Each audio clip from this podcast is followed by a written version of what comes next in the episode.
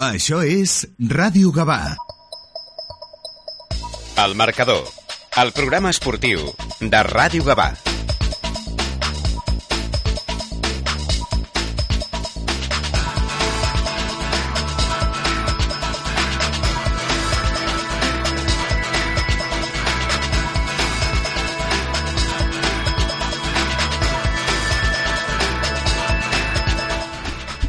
Molt bona tarda, benvinguts a una nova edició del Marcador, el programa esportiu de Ràdio Gavà, que com sempre a través del 91.2 de la FM us acosta la informació esportiva que ens ha deixat el cap de setmana.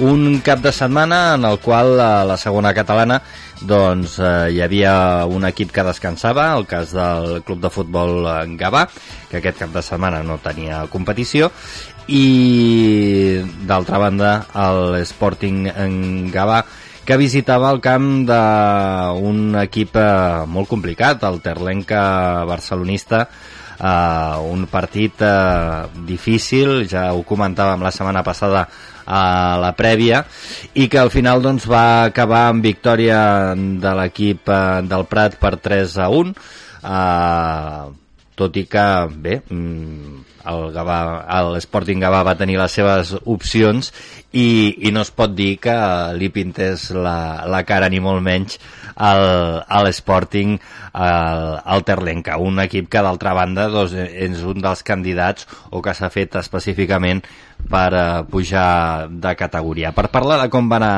aquest partit, avui tenim amb nosaltres en Juan Amador, capità de l'Sporting Gavà. Bona tarda. Hola, muy buenas tardes. Bueno, com, com va anar aquest uh, partit? Ja dèiem uh, amb la prèvia el Lorenzo, que també el tenim aquí. Bona tarda, Lorenzo. Bona tarda.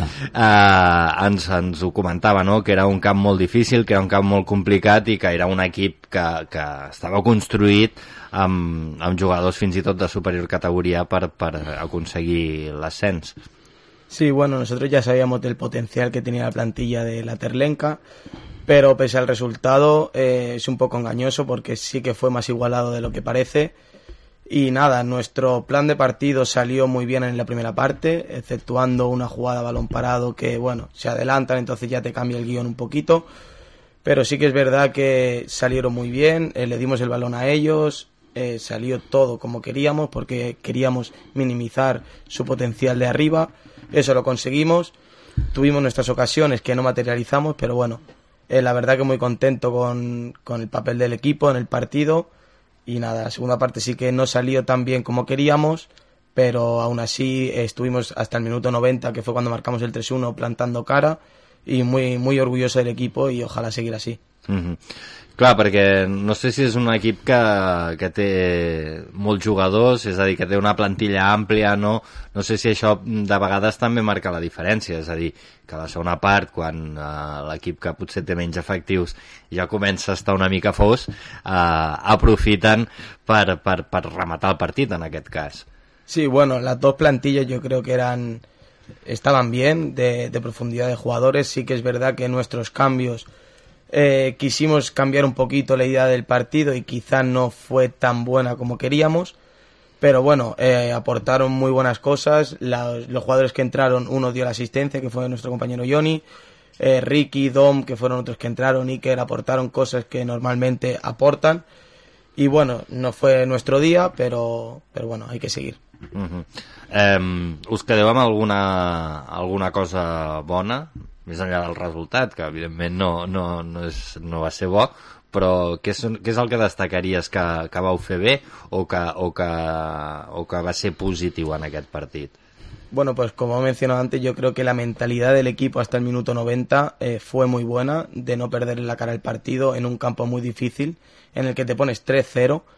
Y claro, ahí en ese momento muchos equipos hubieran dicho, vale, pues hasta aquí no jugamos más, dejamos de nuestro papel, nuestro juego, lo cambiamos a balonazo y nosotros seguimos insistiendo en jugar por dentro para jugar fuera, en llegar con los laterales profundos y la verdad que la mentalidad desde el minuto 1 hasta el 95 que duró eh, fue muy buena y con eso me quedo. Uh Lorenzo va fent que sí amb el cap. Uh, uh, tu com vas? Pues yo prácticamente ya casi lo ha dicho todo Juan, pero es verdad que nosotros eh, hicimos una primera parte muy buena, o sea, no, no hubo esa, e, e, eso que refleja el marcador de... Pero bueno, vino el 1-0, nos fuimos al descanso con 1-0 y bueno, nosotros no, no, no nos quedaba otra que abrirnos. Es decir, cuando te abres para buscar el empate, pues eh, dejas alguna, algunas lagunas y ellos tienen una delantera que, eh, bueno, yo creo que son todos los jugadores en sí, ¿no? Pero, pero bueno, ellos aprovecharon pues este, e, e, esto que nosotros le, dimos, ¿no? Es verdad que dice Juan que nunca le perdimos la cara, porque incluso la primera parte, si hubieran mm, quedado 0-2, no nos hubiera extrañado porque tuvimos las mejores ocasiones en la primera parte, las tuvimos nosotros. ¿Qué pasó después? Pues que ellos apretaban, es lógico, nosotros nos defendíamos bien e incluso en los últimos minutos, pues ellos pidiendo la hora, porque estuvo, estuvimos más cerca del 1 a 1 que del el, 2-0. Luego estuvimos más cerca de, de meter nosotros un gol y ellos se pusieron con el 3-0. O sea, es un partido que hay que analizar eh, cómo realmente yo me quedo con lo positivo de, los chavales, ¿vale? Del, equipo, que no le perdimos la cara a pesar de que teníamos un rival que, que va a estar ahí eh, con opciones a, estar arriba, pero yo creo que son intactas, porque hasta ahora eh, han demostrado que, en campos que nosotros tenemos que ir aún, ellos ya han ganado, o sea que, que nos llevan esa delantera, ¿vale? Entonces yo creo que me quedo con, con esto, mm, sin entrar en, en profundidad de, arbitrajes, porque cuando tú ves que a, ti mm, te han sacado seis tarjetas y algunas injustas por, porque había un jugador nuestro que él había, había recibido un golpe en la cabeza, que, que, hay que parar el partido sí o sí. Y el árbitro delante de él ni, ni se entera y hace jugar la jugada y porque un, un jugador nuestro, mm, precisamente Cazorla, va y le comenta, hombre, que es i va i le, le enseña tarjeta. Quiero decir que a veces... El, sí, d'això dels arbitratges també en parlarem, perquè aquesta setmana passada també hem conegut que a que el van expulsar mm -hmm. el cap de setmana passat, li han caigut quatre partits no tiene sentit. Que no té cap mena de, de, de sentit. Ara després recuperarem el, el tema de Kiereme i, i, de, i del tuit que va fer Havok, perquè fins i tot va posar doncs, el, el, el per què de cadascuna de les sancions. Mm, bueno, no sé. Però, però, però clar, és, és una cosa que, que jo crec que s'hauria de, de, no sé, de, de fer alguna cosa amb, amb els arbitratges, perquè de la manera que en àrbitres que són molt bons i que, i que fan una feina fantàstica, també hi ha algun que deixa l'anar, ¿no? Yo realmente esto no tiene otra explicación desde los años que llevo yo en el tema de, de delegado y tal, es que eh, el jugador le hubiera dicho algo que, que realmente el, eh, o el árbitro interpretara mal o le dijera algo más, porque no, no, tiene, no tiene sentido cuatro partidos en una jugada que, como decía Isaac, eh, que, que, que bueno, que, que, que no tenia sentit, vamos. El, el... Sí, sí, estic buscant el, el, el tuit de Havok, mm, ara, ara quan el trobi mm -hmm. uh, ho comentem. Uh, comentaves abans el, el tema aquest de que vau estar molt a prop de, de posar-vos per davant en el marcador. Mm -hmm. Clar, no sé si uh, el futbol està ple de petits detalls, que són el que acaben marcant el, el resultat del, del partit, no? Però, però clar, l'experiència també, també és un grau, no? Sempre es diu, no? La, la veterania és un grado, no? No sé si en aquest cas el, el Terlenca eh, va fer gala d'aquesta veterania o, o no. A ver, yo pienso que no. O sea, yo dentro del campo no noté que eso eh, a veces en otros equipos sí que se nota la picardía, la experiencia, pero sí que es verdad que nosotros teníamos un equipo maduro dentro de lo que cabe de la categoría, eh, con jugadores bien experimentados y al igual que ellos, que es verdad, pero yo creo que no se diferenció por eso. Fue un pequeño detalle de una falta lateral que no supimos cubrir, que eso es la autocrítica que tenemos nosotros que hacer pero bueno, que nosotros también tuvimos las nuestras en la primera parte, minuto uno, luego también tuvimos dos o tres para, como ha dicho Lorenzo, marcar el, el 0-1 o el 0-2. Mm. Pero en el minuto 35 hacemos una falta lateral que no deberíamos haber hecho, cubrimos mal y bueno, eso es lo que tenemos que mejorar. Para si queremos seguir eh, como buen club, como buen equipo y aspirar a lo mejor que podamos. Uh -huh. um, crec que ja, ja el tinc, eh? El, a veure aquí, buscant els que ens esteu veient a través de, de Facebook Live. Eh, Ara, aquí, ja està. Mira, ja, ja venia ràpid aquí el Josep Antoni Moreno. Uh, I també ens porta l'enquesta, eh? Que parlem també dels arbitratges a l'enquesta.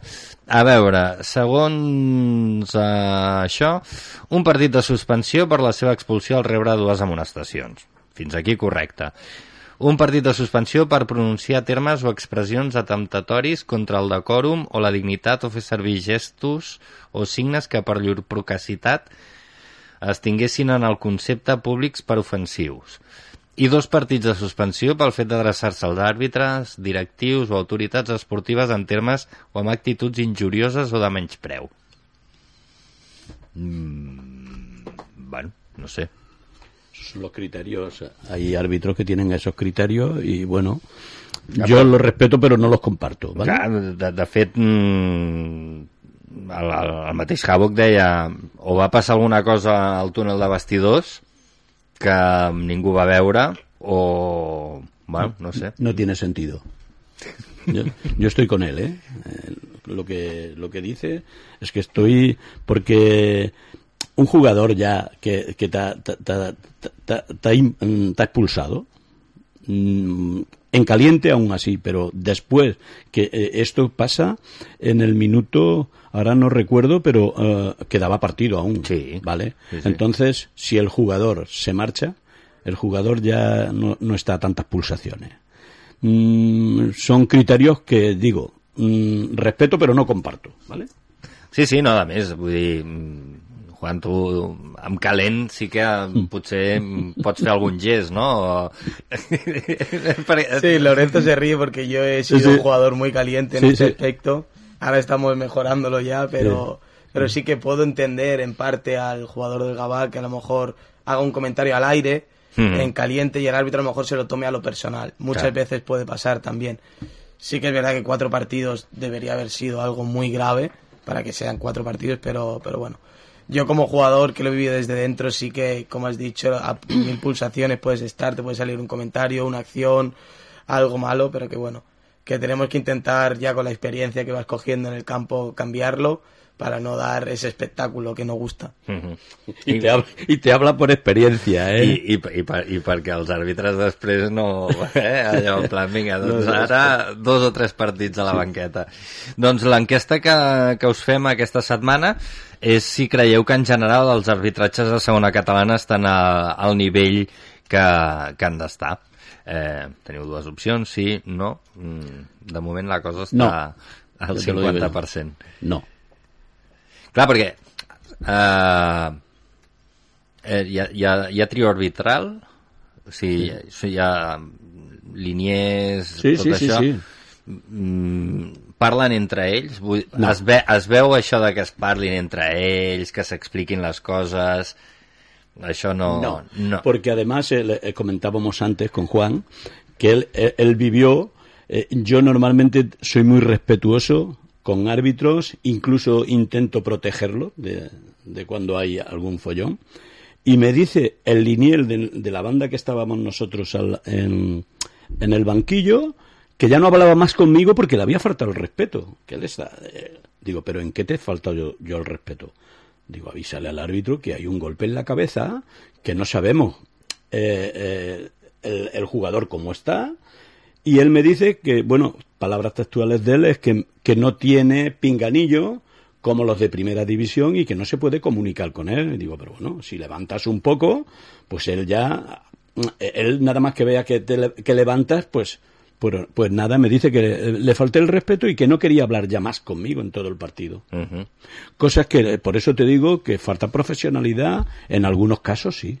Yo te lo digo sinceramente porque yo eh, de esto ya vengo un poquito de vuelta. Entonces, hay arbitraje que los chavales se esfuerzan mucho en dialogar con el jugador antes de sacar una tarjeta y hay otros que van de prepotentes y lo primero que, que, que no, no, no te dicen nada y pum, tarjeta al canto. Se cree que así pues controlan más el partido. Yo creo que es lo segundo, lo que, le- le- lo que yo creo que tienen que dialogar con el jugador y decirle, oye, mira, y si el jugador insiste, insiste porque los hay, Sí. pues bueno, pues entonces le saca la tarjeta. Pero referente a la, a la encuesta, yo digo que sí, que falta un poquito de... No, no està al nivell, no està al nivell. Yo pienso que no. No, perquè a més, clar, és una categoria... Bueno, totes les categories... Tothom que competeix en una categoria s'hi juga molt. Sí. Però, però, clar, el salt de segona a primera catalana ja és una cosa bastant important. I, i, i no sé, una mica més de recursos, no? És que no tenen pinganillos, pues, no sé, però almenys algunes directives de, de dir, oye, pues eh, si quieren hablar, si pasa algo, levanta un poquito la, lo, lo que decías tú. Bueno, es que, es que nosotros nos hemos encontrado de todo, de todo en estos campos que llevamos, y a medida de- de que analiza, pues eh, ves que hay una, a, ve- a ve- a veces son injustos, injustos las decisiones que toman. Que yo también sé que ellos, la presión del público hace mucho, eh, porque vamos a campos que el público presiona mucho, justamente lo que decía Juan, los campos como, mm, como Almeda, eh, Levante, el público aprieta mucho. Y yo podría llegar a entender un poquito lo que es el, eh, el que pierdan un poquito lo- los extremos, ¿no? Pero, pero no. Mm, yo creo que tienen que dialogar un poquito más y antes de sacar una, una tarjeta, pues mm, pensar que este jugador está entrenando y, y- es su vida y le metes ahora cuatro partidos, como el, el caso del Gabá, y, y- y- y- y, bueno, ¿y qué? ¿Qué te ha dicho para que le saques? ¿O qué has puesto? Que te Ah. ha dicho para que para poner cuatro partidos? Lo veo injusto, de verdad. Mm. Em, doncs això, participeu, participeu a l'enquesta. Em, bueno, I ara, proper partit a casa, eh, intentar no? que, que aquests tres punts eh, es, quedin, es quedin aquí, no? a, a, Can, a Can Tintoré. Sí, no, nos viene un, par- un rival muy duro como es el Gornal a casa, pero nosotros, antes lo comentaba con Lorenzo y el- en el equipo lo sabemos, que Cantintore tiene que ser un fortín para nosotros. Tenemos que sacar los máximos puntos posibles, porque si nos hacemos fuerte en casa, con el mínimo de puntos que hagamos fuera, podemos competir de estar ahí arriba. Entonces, este fin de tenemos otra oportunidad de demostrar que queremos hacer eso y con nuestra afición, que lo comentaba la semana pasada mi compañero Víctor, es una gozada jugar en Cantintoré con todos los peques, con todos los padres que vienen a vernos, la afición que hay, el ambiente que se genera, da, da un gustazo salir y, y bueno, jugar delante de ellos. Mm. Um, anem, anem a parlar també amb, amb l'Isaac ara, ara ens posem en contacte amb ell que també comenti això de de, de Kireme eh? que, que bueno, està, està bé i, i analitzarem una miqueta més el tema de, del, del proper partit que clar, el fet d'anar sumant a casa aquests tres punts, eh, el que deies tu de, de que bueno, de, us heu de fer forts a, al, a, a Can Tintoré suposo que també a, a la segona volta a veure el Terlenca al vostre camp, què tal? No? Sí, sí, totalmente. O sea, el año pasado fue que nos enfrentamos en liga, fue al revés, ellos no ganaron nuestro campo y nosotros en el suyo. Este año espero que sea igual, ellos nos han ganado en el suyo, espero que cuando vengan a casa ellos pierdan y nos llevemos los tres puntos nosotros. Mm -hmm. Perquè, mm, fet jugar un camp um, hostil, diguéssim, això com, com ho porteu? Suposo que això ja va amb el futbol, no? De, de, però, però clar, amb aquestes categories i amb camps que apreten tant, no? Com, com comentava Lorenzo, com l'Almeda i aquests, eh, com, com es porta? Com es juga amb aquesta pressió? Bueno, intentan no pensarlo mucho porque al fin y al cabo somos jugadores normalitos que no tampoco vamos, o sea, tenemos esa presión de jugar ante 80.000 personas, pero bueno, sí que es verdad que te encuentras el típico grupito en campos así que están apretando todo el rato en la grada, que si insultos, que si motes, que si tal. Tienes que ser más inteligente que ellos en estos campos, tienes que ser más fuerte mentalmente, que yo esto con la edad lo he aprendido, antes como comentábamos Lorenzo, eh, yo era, picaba en todas estas, me picaba con la grada, luego entonces lo pasaba al campo, y eso pues hace que perjudiques al equipo más que nada. Entonces te tienes que preparar mentalmente más fuerte que ellos y centrarte en el fútbol, que és lo que importa en, en, este, en, ese, en ese momento. Uh -huh. uh, ja tenim l'Isaac amb, amb línia. Isaac, estem parlant d'arbitratges. Bona tarda. Hola, què tal? Bona tarda. Eh, estem parlant d'arbitratges eh, perquè diguéssim que s'han queixat una mica de l'arbitratge els, els amics de, de l'Sporting Gavà, Lorenzo i el Juan. Eh, nosaltres també tenim eh, per la part de vosaltres de, per la part de, del Gavà eh, el tema Quiereme, no? Que, que és una cosa sí. que tampoc entenem gaire. Sí, tema arbitratge és un dels meus temes preferits. Vinga, ah. dale.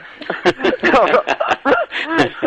bueno, no sé, inentenible el de Quiereme, almenys de que que passés alguna que no, que no van veure, que, que al final pot passar, però nosaltres des del camp sí que és veritat que no vam veure res. De fet, eh, si va, va passar alguna cosa al túnel de vestidors és estrany, perquè va ser abans de la mitja part i ja Quirme va anar cap al vestidor.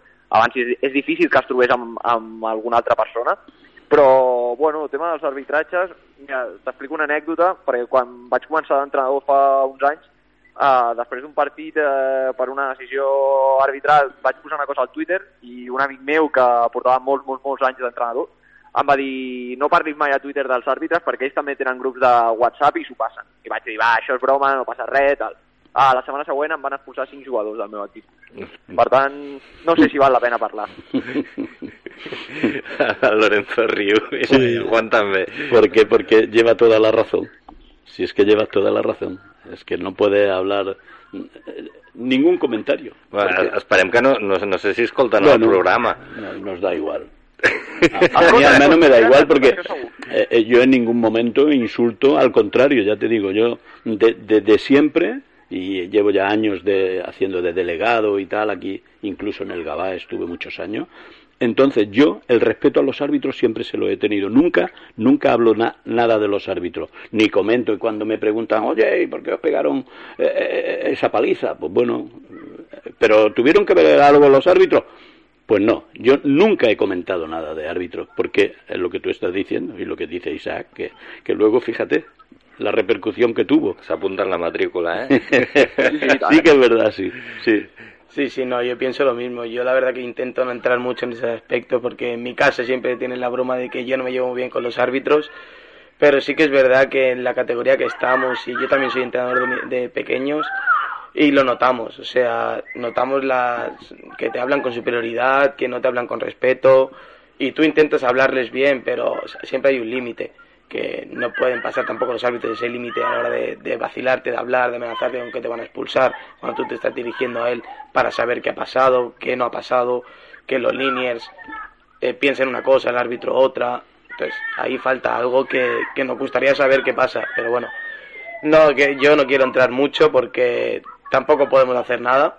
Entonces solo podemos hablarlo, pero, pero sin más. Más que más a, que viene a cuento la jugada del domingo con el Bilal uh -huh. es penalti. Y sin embargo, di, dice el árbitro o, in, o, o, él intuye que se ha tirado y le saca la segunda. Mm. Eso es injusto porque, porque realmente hay contacto. Eh, que no lo has visto, no pasa nada, pero encima no saques una tarjeta. Yeah. Porque fastidias al equipo y, y, no, y fastidias al jugador, ¿vale? Uh -huh. Pero bueno, Bueno, sí, sí, fins i tot a la Champions amb el Bar també... Sí, però a mi, a mi Marc, perdona, el que menys m'agrada d'això de, dels àrbitres sí. és el sentiment d'impunitat que tenen, que, que no l'entenc. Perquè qualsevol pot dir que un jugador ha fallat i s'ha equivocat, qualsevol pot dir que un entrenador eh, s'ha equivocat en el plantejament, ho, ho podem dir de tots, però sembla que dels àrbitres no els hi pots parlar, no es, no es pot qüestionar, i crec que no, perquè igual que són un actor principal del futbol, doncs també se'ls ha de poder qüestionar i també s'han de poder explicar, però com ells no volen explicar-se perquè al futbol professional no fan rodes de premsa i en el futbol amateur doncs prefereixen no explicar-se, doncs bueno, després passa el que passa, que, que sembla que tinguin un sentiment d'impunitat que, que jo la veritat és que no l'entenc. Sí, sí, no, i a vegades amb, amb aquesta sensació de voler ser els protagonistes del partit, moltes mm. vegades, no? Mm, que dius, mm, bueno, vale, a veure, no sé, fins a cert punt, no? Uh, però no, no sé, em vaig sentir l'altre dia que, que estaria bé que tinguessin un micròfon connectat a, als altaveus del camp per, perquè passés una mica com passa amb la NFL, no? amb el futbol americà, que expliquen el perquè de la sanció de la jugada, no? En plan, doncs mira, jo he vist un contacte tal i per això senyal... Vale, doncs, potser seria una opció, eh? Que, que, que expliquessin el, el per què o que se sentís el que parlen entre els àrbitres. Sí, però en el transcurs del partit és impossible això. Ho dic perquè jo durant, durant bastant temps, jo he sigut, eh, quan he estat de fotògraf amb el Gavà, mm. jo escolto les converses amb el línier, el línier que parla amb l'àrbitre, perquè porten el pinganillo, eh, no, no podria, si, si el futbol territorial és que parlen amb molt, amb molt poc respecte dels jugadors i amb molt poc respecte de moltes coses. I jo les he escoltat moltes coses perquè he estat al costat i he pensat aquesta gent després són els àrbitres i es queixen de, de faltes de respecte i a la mínima et poden treure una poden treure una vermella, però ells parlen sense, sense cap tipus de respecte perquè tenen aquesta sensació d'impunitat, de, de que poden fer el que vulguin, que no passarà res. No, doncs potser seria la manera, no? Si se sentís el, les converses entre l'àrbitre i el linier, mmm, seria... haurien, haurien de tenir respecte pels jugadors perquè, clar, és que si no... és que no, seria, no, no seria un caos. No sortirien del camp amb, amb la integritat física garantida, segons com, sí. no? Sí. Però bueno, en fi, eh, aquest cap de setmana el Gavà ha descansat, Isaac, eh, no sé si tens alguna notícia, hem, hem recuperat algun jugador, la Gespa s'ha recuperat també, estàvem recuperant moltes coses. La Gespa no, no ho sé segur, jo he passat, vaig passar l'altre dia per fora i la vaig veure millor. Sí? No sé si, bueno. que, bueno, suposo que serà que, Això està que bé, millor, però sí que de vegades aquest tipus de gespa cal veure-la des de molt, molt, molt a prop per veure si està bé o no. Uh mhm. -huh. I pel tema de jugadors, bueno, no tinc la constància, però entenc que els jugadors que tenien petites lesions, que potser eren més aviat molèsties i, o lesions de, de sobrecàrrega o alguna cosa similar, doncs bueno, suposo que haurà pogut... Eh, haurà pogut recuperar algun jugador. Sí que sé que també hi ha algun jugador a prova eh, aquestes dues setmanes. Eh, desconec si se'ls acabarà fent fitxa o no per, per jugar ja a partir d'aquesta setmana, però suposo que l'equip també està intentant reforçar-se de cara a, aquest, a aquesta part de la temporada. Mm -hmm. Sí, suposo que després de veure que amb, amb un parell de lesions la cosa ja comença a, a ressentir-se, no? millor reforçar per, per afrontar amb garanties uh, el, el curs. Sí, i tant, i tant. Jo crec que, que serà necessari fitxar jugadors perquè la plantilla és molt curteta, amb lesions eh, doncs serà, serà encara més i, i a la part davantera, doncs, bueno, em preocupa força el tema de Kiereme perquè crec que és una baixa eh, estructural en el sistema. Crec que, que està l'equip força plantejat per, per com juga l'Àlex i no, tenir-lo fora per quatre partits crec que condiciona molt l'equip. Veurem com, com ho acaba resolent. De fet, a la part ofensiva té pocs efectius, Xiri, i a veure si incorpora, de fet, jo crec que és necessari incorporar, diria, un parell de jugadors com a mínim a la part de davant, sobretot en aquests quatre partits en què Quiereme no, no podrà ser-hi. Uh -huh. eh, vosaltres no, no feu més incorporacions? O no. De moment està no, tot... Tenemos una plantilla que estamos bien. Mm. Y las lesiones nos van respetando. En principio, no. Toquem fusta. Ah. toquem fusta, toquem fusta. eh, Anem a, anem a fer una repassada de, de com han estat els eh, resultats eh, del cap de setmana i com està la classificació i de seguida anirem, anirem a la porra.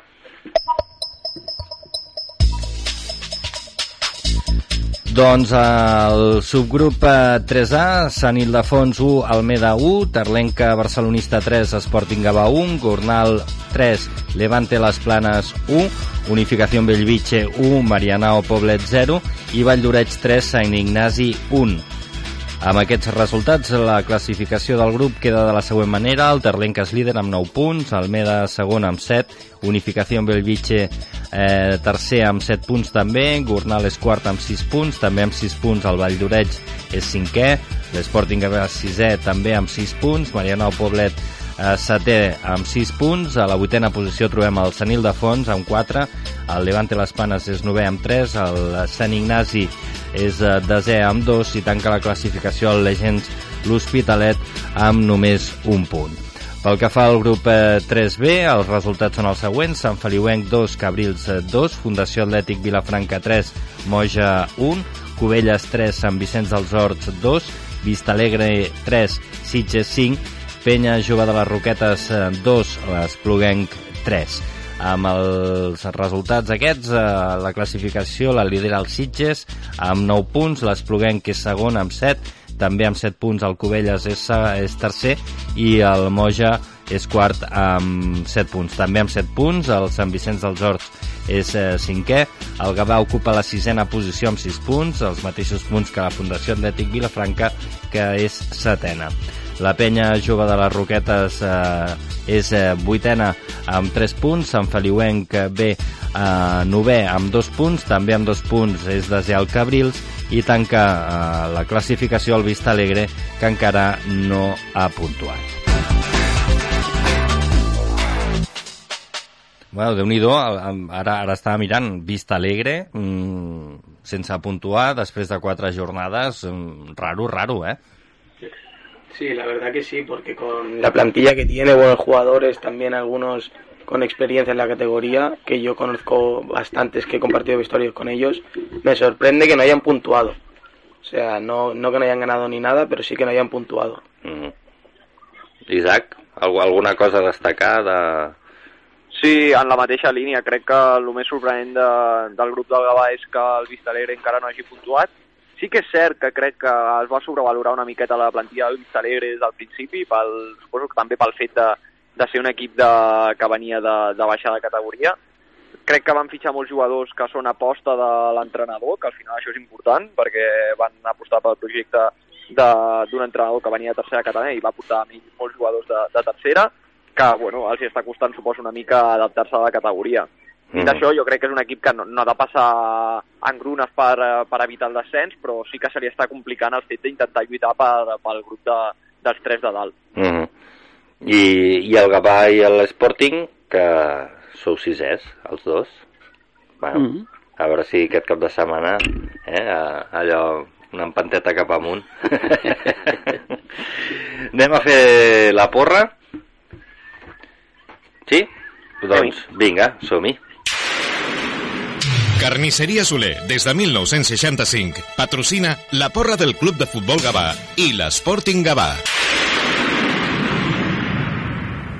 Doncs ja ho sabeu, eh, podeu participar en aquesta porra doncs, apostant pels resultats de tots dos equips eh, i podeu guanyar el, el premi d'aquesta aquest, aquesta espatlla de ibèrica que ve directament d'Extremadura, que la porta el Marc Soler cada, cada any, valorada amb 99 euros. El sorteig el farem el proper 31 d'octubre i hem de dir que aquesta setmana el eh, Joan Ramon Alemany eh, doncs l'han tornat a encertar eh, amb el Tarlenca Sporting eh, aquest 3 a 1 i ja té dues boletes té la boleta número 1 i la boleta número 7 per tant, doble oportunitat que tindrà el, el Joan eh, Ramon Alemany de, de guanyar aquesta espatlla ibèrica. Um, a veure, el Gavà um, rep el, um, el Penya Jove Roquetes, l'Sporting Gavà rep el, um, el Gornal, partits difícils, no difícils, Isaac, en el, el, el, el, Juan ja ens ha dit que, que el partit d'aquest cap de setmana és complicat contra el Gornal. Sí, jo crec que el Gornal serà un dels aspirants a l'ascens. De fet, va ser el primer partit de pretemporada del, del Gavà, va perdre 3-1 i va deixar molt bona impressió el Gornal. Jo crec que, que és un equip d'aspirant a l'ascens, juntament potser amb el Terlinca, doncs d'aquell grup, dos equips que estan, que estan destinats a estar en el subgrup d'ascens. En el cas del Gavà, doncs, bueno, el partit contra el Penya Jove Roquetes, un equip que aquesta setmana va, va patir l'expulsió d'un jugador a l'últim minut, un jugador important.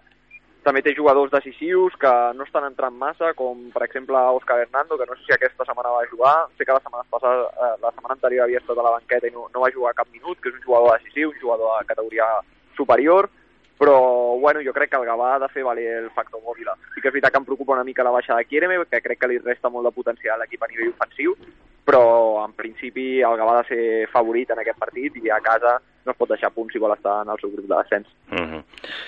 Doncs eh, anem a per les apostes. Juan, els convidats sempre comencen. Eh, pels dos partits, eh? Bueno, pues yo creo que el Gabá va a conseguir una victoria 3 a 1 en casa, en la bóvila se está haciendo fuerte. Bueno, el partido que tuvo lo ganó muy fácil. Y yo creo que nosotros, siguiendo nuestra dinámica de dos goles en casa, vamos a confiar en, en nosotros y un 2-0 estaré más que contento. Uh -huh. Lorenzo. Pues bueno, yo prácticamente en- del Gabá pues voy a cambiar un poquito. Lo voy a dejar en 3-0. Uh -huh. Y el Sporting me gustaría que fuese 2-0 o 3-0. Pero yo me voy a declinar por el 2-1. 2-1. Molt bé. Eh, Isaac. Sí, jo anava a dir que Gavà, el Gavà 2 a 0 Uh -huh. i le, ah, puc repetir, no? Sí, sí, sí. I l'Sporting diré 2-1. 2-1, que ja seria un resultat que al qual comença a abonar-s'hi, no? Perquè em sembla que aquest 2-1 ja... ja...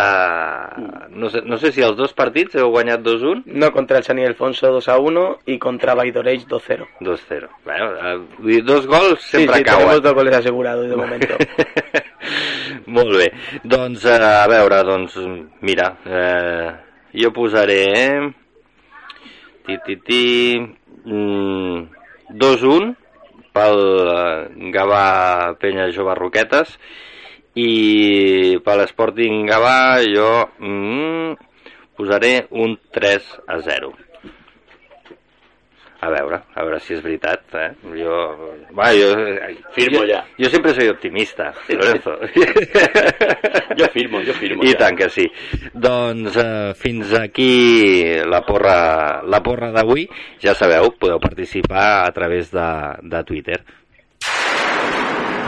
Carnisseria Soler, des de 1965, ha patrocinat la porra del Club de Futbol Gavà i l'Sporting Gavà.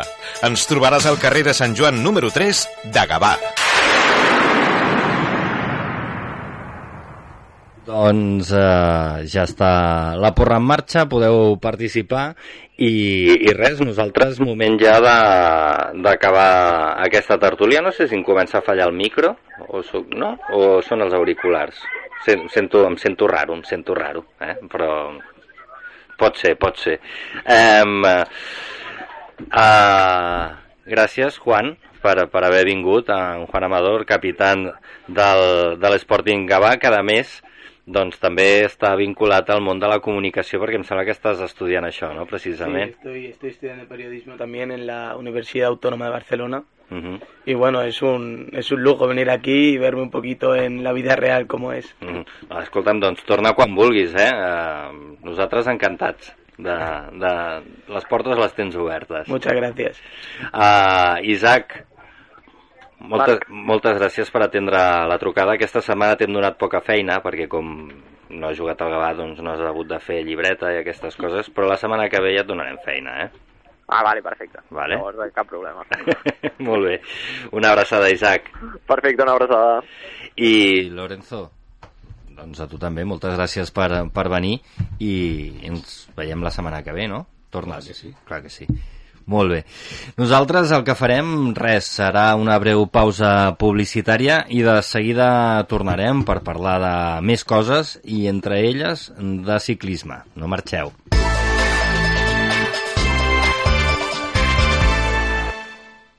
Si buscas especialistas en electricidad, fontanería, climatización, reformas, ahorro de energía o recarga de vehículos eléctricos, nos encontrarás en Yungaba, asesores energéticos y especialistas en energía verde. Consúltanos sin compromiso y confía en la experiencia profesional de los que siempre estamos a tu lado. Gavà. Te esperamos en el passeig de Joan Maragall 25 de Gavà. Teléfono 93662-2707 o visita nuestra web yungabá.com. Llum Gavà, siempre a tu lado. Para subir y bajar, Ramase S.A.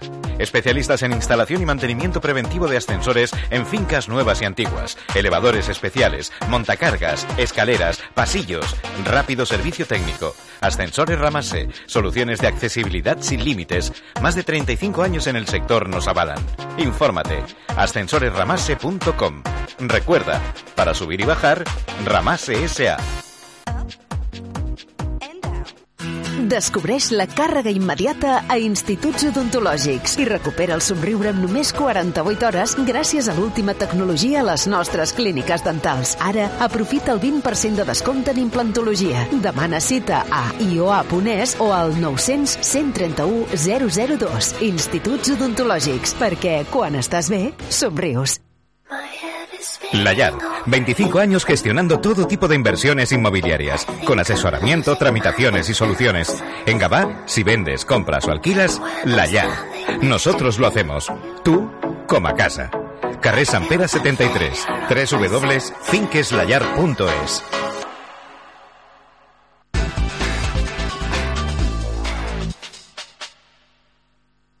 T'hi esperem a Autovivo. Restrena cotxe. Més de 200 vehicles de gerència, quilòmetre zero i seminous, de les millors marques i amb total garantia, estan a la teva disposició. Dissabtes obrim matí i tarda. Vine a veure'ns a la carretera Santa Creu de Calafell 95 a Sant Boi de Llobregat. Autovivo.es 1977. Mentre els carrers estrenaven democràcia, a la presó es clamava «Llibertat!». Emociona't a la pantalla gran de Cinesa amb Modelo 77. Un cas real sobre l'amistat, la solidaritat i la fuga que va canviar la història. Consulta cinemes, horaris i qualificacions a cinesa.es. A Cinesa, we make movies better. ¿Os gusta el cine? ¿Queréis saber todo sobre el séptimo arte pero no os atrevéis a preguntar? Cine clásico y últimos estrenos, bandas sonoras de películas y series de televisión, análisis de largometrajes y noticias del pasado y el presente. Si os apetece dar un paseo con nosotros por La Séptima Calle. Todos los martes de 8 a 9 de la noche en la sintonía de Radio Gabá en el 91.2 de la FM y a partir de las 21 horas en iVox. Os esperamos Maraya Meneses Washington y Xavi Marín para que todos juntos recorramos la séptima calle.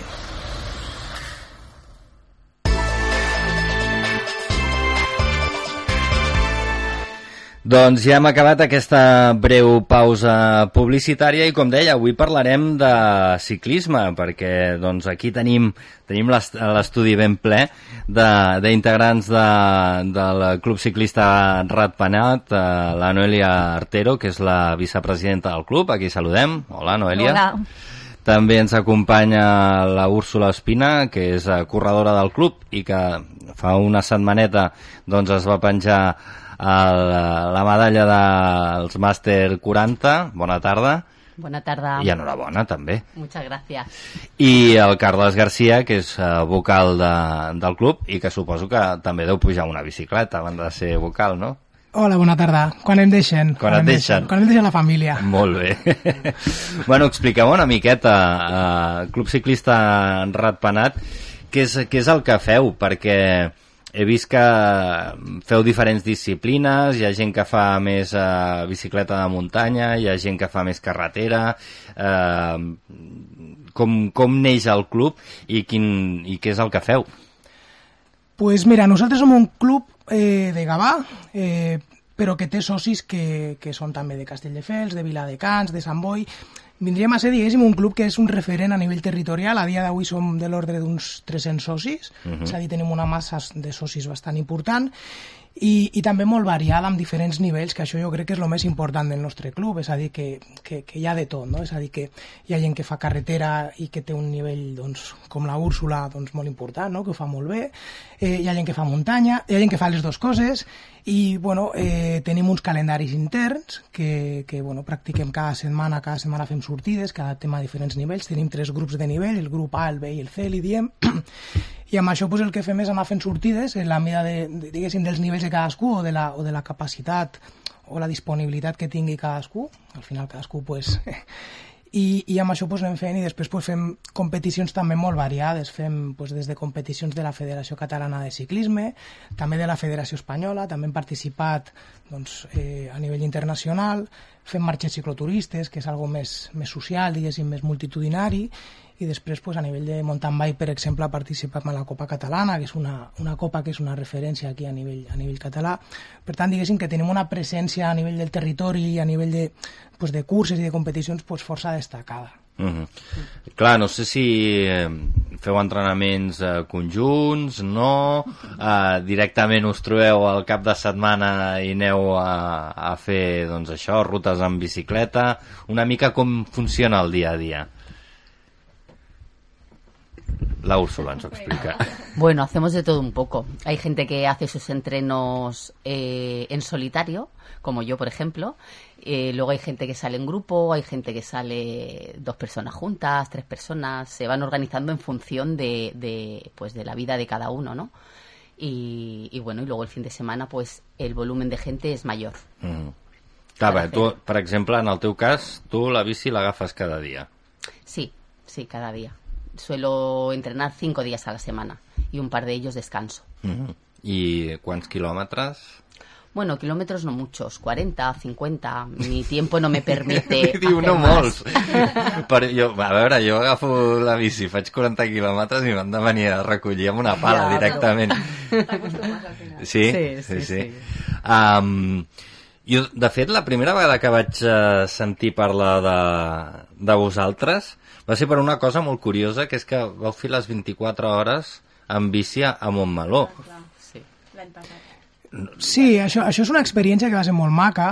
Vam fer un equipet i, bueno, bàsicament era, era, era una, diguéssim, una competició que és això, 24 hores donant voltes al circuit de Montmeló i hi havia, hi havia diferents, diferents categories, hi havia categories que eren fins i tot individuals, altres que anaven en parella i d'altres en grups.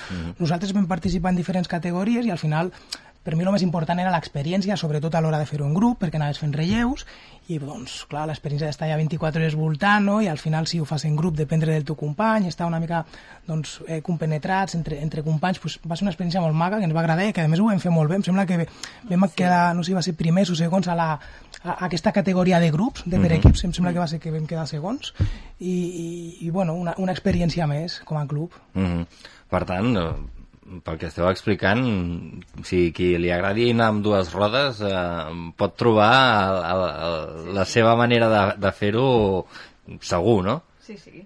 Això és molt important perquè des d'aquí també volem fer una crida a, a la gent de Gavà a que si vol vindre a provar, si li agrada anar amb bicicleta, que vingui, que vingui amb nosaltres, que, que justament és el que volem. I per això mateix, abans ho comentava, tenim diferents nivells de- d'intensitat, de, de distància, de velocitat, perquè el que volem és doncs, que la gent s'hi pugui apuntar, s'hi pugui animar i pugui provar. És a dir, evidentment no tots anirem com la Úrsula, que, que, que entrena molt i que va molt ràpid, però sí que volem pues, fer coses més suaus, eh, per la disponibilitat de temps que tinguem o perquè no podem fer distàncies massa llargues o pel que sigui, pues, també ens adaptem. Per això Mhm. diem, nosaltres tenim un calendari, cada diumenge fem una sortida, d'acord amb aquest calendari, i aquesta sortida, diguéssim, està, eh, té, té tres nivells, tres nivells de, de diguéssim, de, pues, d'esforç, no? Per tant, doncs, si hi ha algú que, que estigui escoltant, ostres, jo és que em fa... Pues que no ho dubti, que no ho dubti, que vingui, que provi, que segur que li agradarà.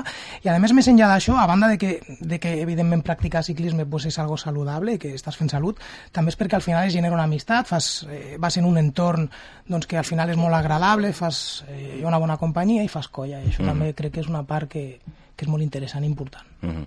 Parlant de, de les sortides programades, aquest cap de setmana precisament n'heu fet una eh, de dones. Sí. Uh, Explica-m'ho. Sí, sí, vam Par ser- parla, parla una mica, Noelia. Que... Perdoneu. Sí, van ser eh, 50 dones, aproximadament. Molt bé. Sí, van tindre molt d'èxit. Era la primera que feia mm, com una volta circular, Mm -hmm. que és difícil que vingui més gent perquè, clar, no pots eh, acurtar. I no, no, em sembla que, que vam anar molt bé. Hi havia... Bueno, va vindre el, el Preci, el Manel, que Mhm. amb el cotxe, per si passava qual- qualsevol cosa, i jo estava pel mig i, i una altra companya estava al davant i bueno, vam fer una miqueta de pinya la gent va sortir molt contenta i bueno, volen, volen tornar de fet crec que hem guanyat eh, sòcies de cara a l'any vinent i no sé, estem molt contents Mm -hmm. Així que Em, més. Sí, home, clar, Sí. no? això està bé, no? Vull dir, fer sortidetes així, doncs, eh, dones, ara, no sé, m'invento, eh? No sé si també teniu gent jove, vull dir, gent jove, sí, sí, sí. em refereixo canalla, sí. canalla eh? Sí, de, vull dir... de fet va vindre una noia que té 12 anys, que és la Neus, eh, bueno, aquesta noia eh, ho guanya tot i, i ens portava a fila d'una i Mhm. molt bé, molt bé, ens vam passar molt bé i de canalla que tenim tenim a la Neus, no? Sí, no, realment I, cada vegada la, sí. la massa social es van afegint al grup gent, gent nois i noies més joves, no? I això també és un fet a valorar, no? Que, que ja els més petits s'hi van incorporant i a més amb molta empenta i amb, molta, i amb moltes ganes. Mhm. Crec que hi havia molta por, no?, per això, que semblen que som no? els millors, no? Que donem una miqueta de por, però ara ja la gent Home, vol la- sortir amb la- nosaltres. El, el mallot és molt xulo. Sí, clar, per això, per això venen. El mallot és molt xulo i Clar, això, clar. això crida, home. Um, uh, uh, Úrsula, anem a parlar una mica de- d'aquest campionat d'Espanya Màster 40. Uh, vas quedar tercera. Tercera, tercera de, de mi categoría, de Master 40, que estaba la clasificación A, Ujú. que era de 40 a 45 años, y el B de 45 a 50. Bueno, de 45 a 49. Ujú.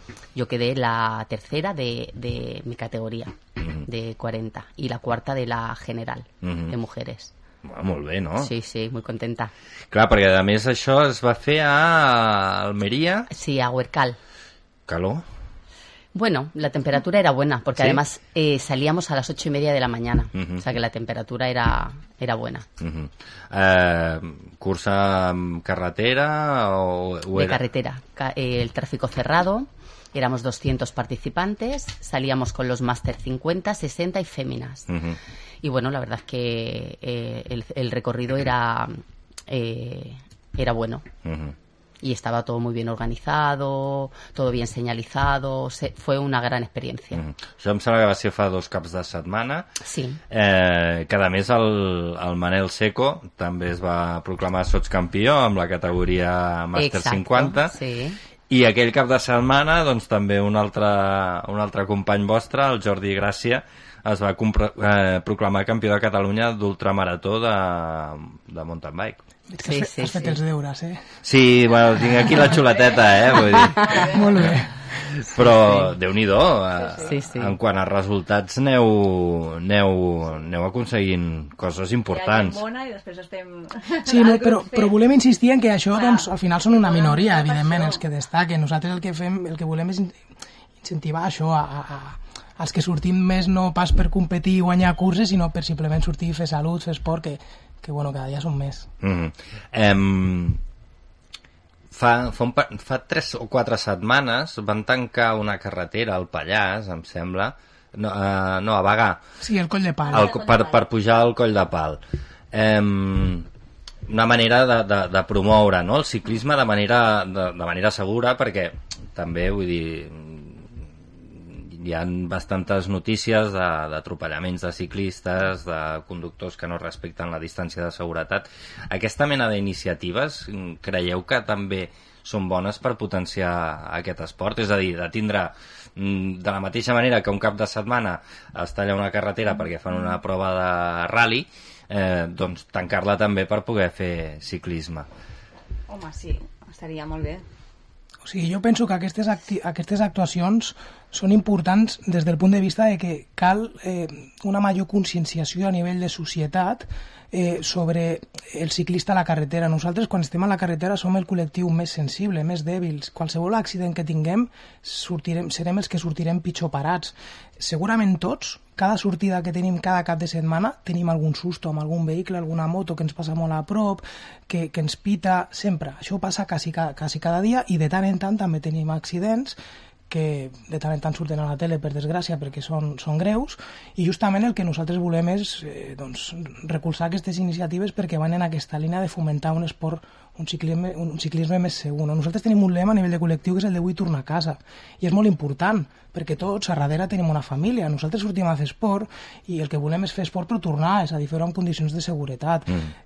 a la vegada a nivell intern també volem fomentar un ús responsable de la bicicleta, és a dir, volem doncs, que el nostre, el nostre col·lectiu, els nostres socis, nosaltres quan sortim respectem les normes de seguretat, intentem evitar doncs, eh, eh, interferir diguéssim, en la resta de circulació o molestar els altres vehicles per mirar de coexistir a la carretera. Però clar, és cert que hi ha vegades que això és complicat, carreteres que són estretes, carreteres que són revirades, i és en aquests punts on li volem demanar als conductors i conductores que tinguin una major sensibilitat. Llavors, insisteixo, actuacions com la de Coll de Pal doncs, bueno, van en aquesta línia, sensibilitzar a tothom, dir, cuidado. Mm -hmm. no, Sí, a veure, a Costes també es va fer. Sí, de Sí. fet, costes, les costes del Garraf es tallen un cop a l'any, que es fa una marxa que surt des de Barcelona i arriba fins a, fins a Sitges, que va una mica en aquesta línia. De fet, a Andorra, si, si, si, si estirem una mica, també ho fan. A Andorra també hi ha dos o tres ports de muntanya que estan tallats cada cap de setmana. Mhm. És a dir, i ja també, ja no només des del punt de vista de la sensibilització social, sinó també des del punt de vista de, de la promoció econòmica del territori, és a dir, això són incentius a nivell de territori, són atractius que fan que la gent també s'apropi a practicar el ciclisme. Andorra és un, és un, és un país que ho ha treballat molt. Sí. Vas a Andorra i tu veus que tots els ports estan senyalitzats, el quilòmetre, i això doncs, també segurament eh, eh, són uns ingressos que generen i per tant segurament el, ara que has comentat aquí a, a, a Bagà, a la, segurament això també aniria molt bé no? per dinamitzar i fomentar l'activitat econòmica d'aquest àmbit. Mm -hmm. Clar, su i suposo també això, eh, el fet de... de, de no, no sé si hi ha gent que digui ostres, és que a mi m'agradaria fer ciclisme però és que em fa por. Ja, però això és molt difícil de treure's aquesta, aquesta por. No, potser si no, fent una sortida, no?, Sí. amb, amb grup... Eh, Justament, justament Sí, si talles una, una, un, un, com per exemple el col de pal, sí, però clar... no, però ja és- em, em refereixo al fet de, en grup, de sortir anar amb en grup. grup. És Mm, millor. Sí, sí. Sí, perquè vas més repulsat, és que... No Es, a se'ls veure, veu sí. més... Sí. Eh, Hi ha molta gent que ho diu, eh? i fins i tot Sí. hi ha gent que diu no, jo és que carretera no faig, prefereixo fer muntanya perquè a la muntanya pues no tindré un accident amb un cotxe, no m'atropellaran. Sí, mm. és veritat, a la muntanya segurament no t'atropellarà un cotxe. Per això, pues, una de les idees nostres justament és aquesta, no? la de fomentar en grup, els diumenges som un grup numerós, aquesta sortida que vam fer de la dona, una mica és per, pues, bueno, per veure que hi ha un grup, que podem anar junts, que quan som un grup numerós, doncs els vehicles o la resta d'usuaris de, de, de, de les carreteres ens tenen més respecte. No és el mateix avançar un ciclista que avançar un, un, un pilot on van 10 o 15 ciclistes, Mm. costa més, lògicament, i per tant el vehicle ha d'estar molt segur del que fa. Llavors, això és una de les idees que, que nosaltres també volem fomentar, dir, anem a fer un esport junts, anem a, anem a anar junts, eh, i així garantim també la seguretat. Mm -hmm. um, fa dos caps de setmana vau aconseguir aquests èxits. No sé quins són els propers, les properes competicions que teniu en ment. Bueno, ara ve el descans. Ara toca descansar. Sí. Ara toca descansar, ¿no? Sí, bien merecido. Sí, ¿no? Ahora toca descansar y el año que viene eh, con más ganas y, y, y bueno, y a volver a empezar otra vez. Clar, diguéssim que amb el ciclisme la temporada, entre cometes, eh, és, és eh, natural, no? Diguéssim, quan s'acaba l'any, quan comença a venir el fred, doncs ja és més complicat anar, anar en bici i, i després de cara a la primavera torna, Bueno, tornen abans, les competicions. abans de la primavera. Sí? Sí, sí, al febrer, no? Ja comencen. Sí, febrero, marzo. Sí, Mhm. ja comencen les socials i... Però bueno, això no vol dir que no parin, és a dir, No, que l'aturada que fan és de dues setmanes i a entrenar, perquè si no quan arriba el Exacto. febrer eh, no, no hi ha res a fer, vull dir, ja, has de, ja has de tenir una base de preparació. Si no és allò d'em menjo els torrons i, No. i un cop passi Nadal ja començaré a entrenar, no? 15 días solamente. Escolta, i, i això de, de sortir i després l'esmorzarot i tot això, això ho feu també o això només és pel, no, no. pels cicloturistes, que dic jo? El nostre grup que som el C, que fem, sortim per això. Mm -hmm. Sortim a esmorzar, al cafè i el que... El premi és l'esmorzar. Clar, clar, clar. Ho diem, ho diem. Això està molt bé. Sí. Veus, jo aquí potser sí, Sí. que m'apunto. Que l'important no és el ritme, sinó a l'esmorzar. Ah, exacte. Arribar a esmorzar i després tornar a casa. Clar, anem a esmorzar en bici. això, això està bé, mira, escolta'm. És una manera de veure-ho. Sí, sí, sí, no, mira, jo, mira, Castelldefels, eh, Gavamar, eh, jo, doncs puc- jo vas això, a Sitges a esmorzar un fantàstic. Tenemos para todos los gustos. Sí. O sea, que nadie se quede en casa. Bicicletes elèctriques també en dia. gasteu? No sé si en tenim... Hi ha, hi ha gent, hi ha, Alguien, alguien hi ha, hi ha gent que, que fa bicicleta amb bicicleta elèctrica. Vull dir, no, no, no, no dic en conya ni, ni, ni, Sí, no, ni no, res sí, sí, d'això. sí, sí. Vull dir, que simplement pues, quan hi ha una pujadeta doncs s'ajuda una miqueta amb el motor però això no vol dir que no facis cames Potser més a la muntanya, no? sí, Potser més a la BTT que a la carretera. Sí. A la BTT segur que tenim Sí, algun sí, soci o sí, sòcia sí. que vam amb bici elèctrica, però la carretera potser no, eh? No, jo no, no en conec a cap. Mm. No, jo tampoc. Bueno, doncs jo, jo quan tingui una bici Mira, elèctrica pues. potser m'apunto. Molt bé, doncs escolteu a Noelia Artero, vicepresidenta del eh, Club Ciclista Ratpenat, la Úrsula Espina, eh, corredora, que tercera del Campionat d'Espanya Màster 40, i el Carles Garcia, eh, vocal de, de l'entitat. Moltes gràcies per, eh, per, haver, per haver vingut, per haver-nos explicat eh, el vostre club. Si algú us vol apuntar d'interès, on s'ha de dirigir? Ens trobaran a les xarxes socials, o sigui, si van a Facebook, Instagram, eh, Twitter crec que també en tenim, i posen Club Ciclista Ratpenat, ens trobaran i des d'allà doncs, es poden adreçar directament a nosaltres. I a més com tot això doncs, som força dinàmics, és a dir, anem fent publicacions pràcticament a diari, Mhm. pues, ho, ho veurem ràpid i donem resposta. Perfecte, O sigui doncs escolteu, els qui us agradi la bici ja, ja ho teniu, busqueu el, el Club Ciclista Ratpenat a les xarxes i, I que i no segur por. i no, tin, no, que no tingueu por i que a més el, el mallot és molt xulo home. moltes gràcies una altra vegada i fins la propera Gràcies. Molt bé, moltes gracias. gràcies.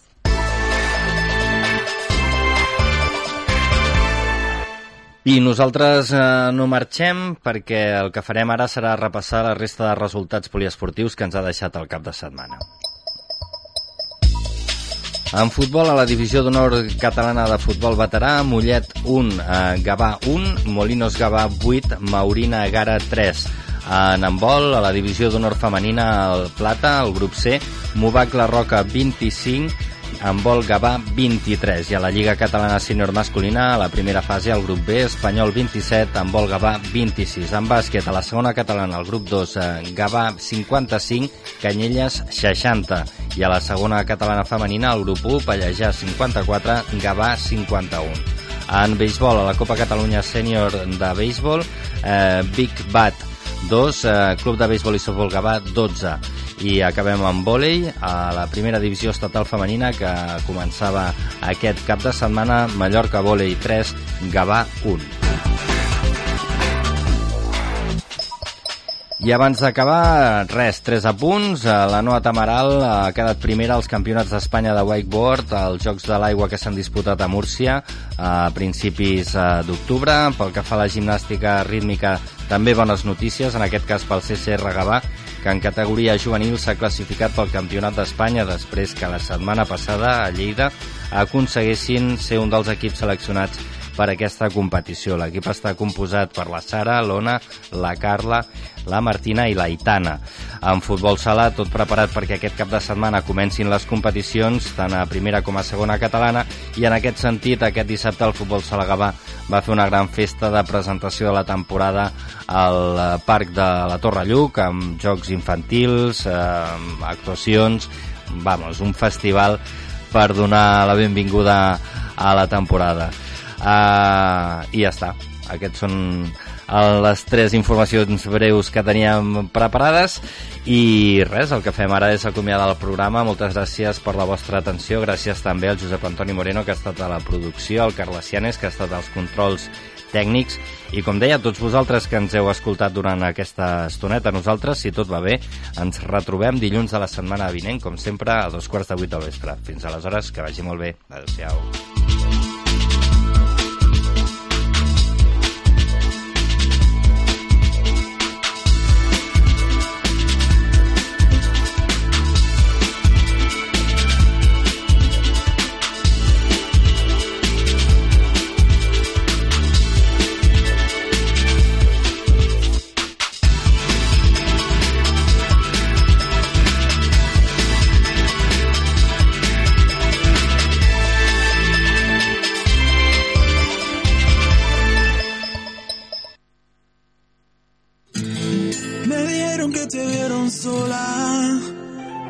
Tan sola sentada en tu habitación.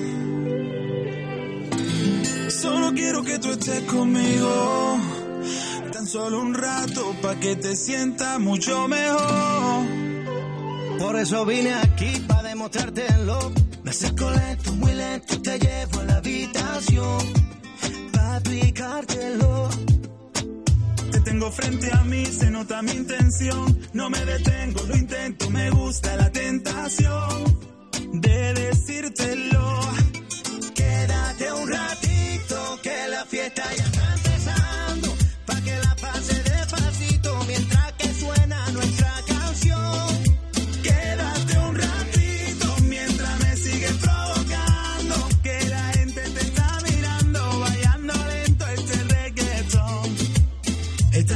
Mi amor, ya tienes tu canción. Si te la canto toda la noche, será mejor. Y vámonos para atrás, atrás. Te tengo que decir que esto es para ti. Te traigo este estribillo que la gente está bailando. Esto está ready, ya la gente está gozando. Un, dos, tres, un, dos, tres. Esto está rico, está funcionando. Yo te lo digo, pero cantando. Si tú ya quieres, vamos tirando pa'l rincón. Quédate un ratito que la fiesta ya está empezando.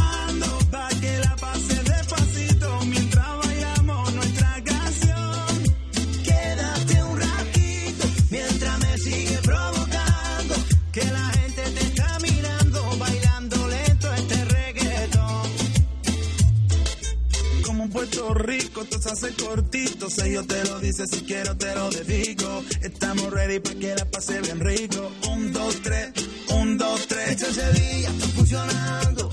Si vamos acá y se está montando. Y aquí la gente está disfrutando esta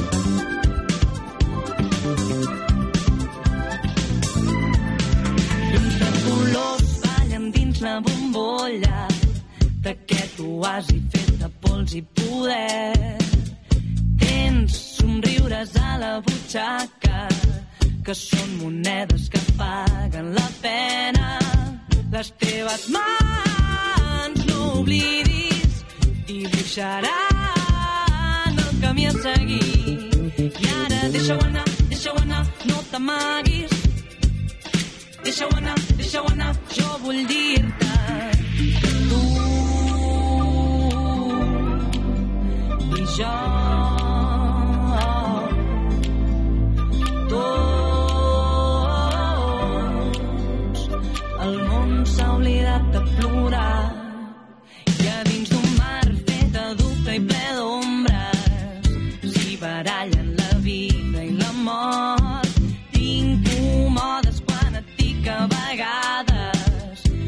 tan fàcil fer el que et diu el cor. Les teves mans oblidis dibuixaran el camí a seguir. I ara deixa-ho anar, deixa-ho anar no t'amaguis. Deixa-ho anar, deixa-ho anar el món s'ha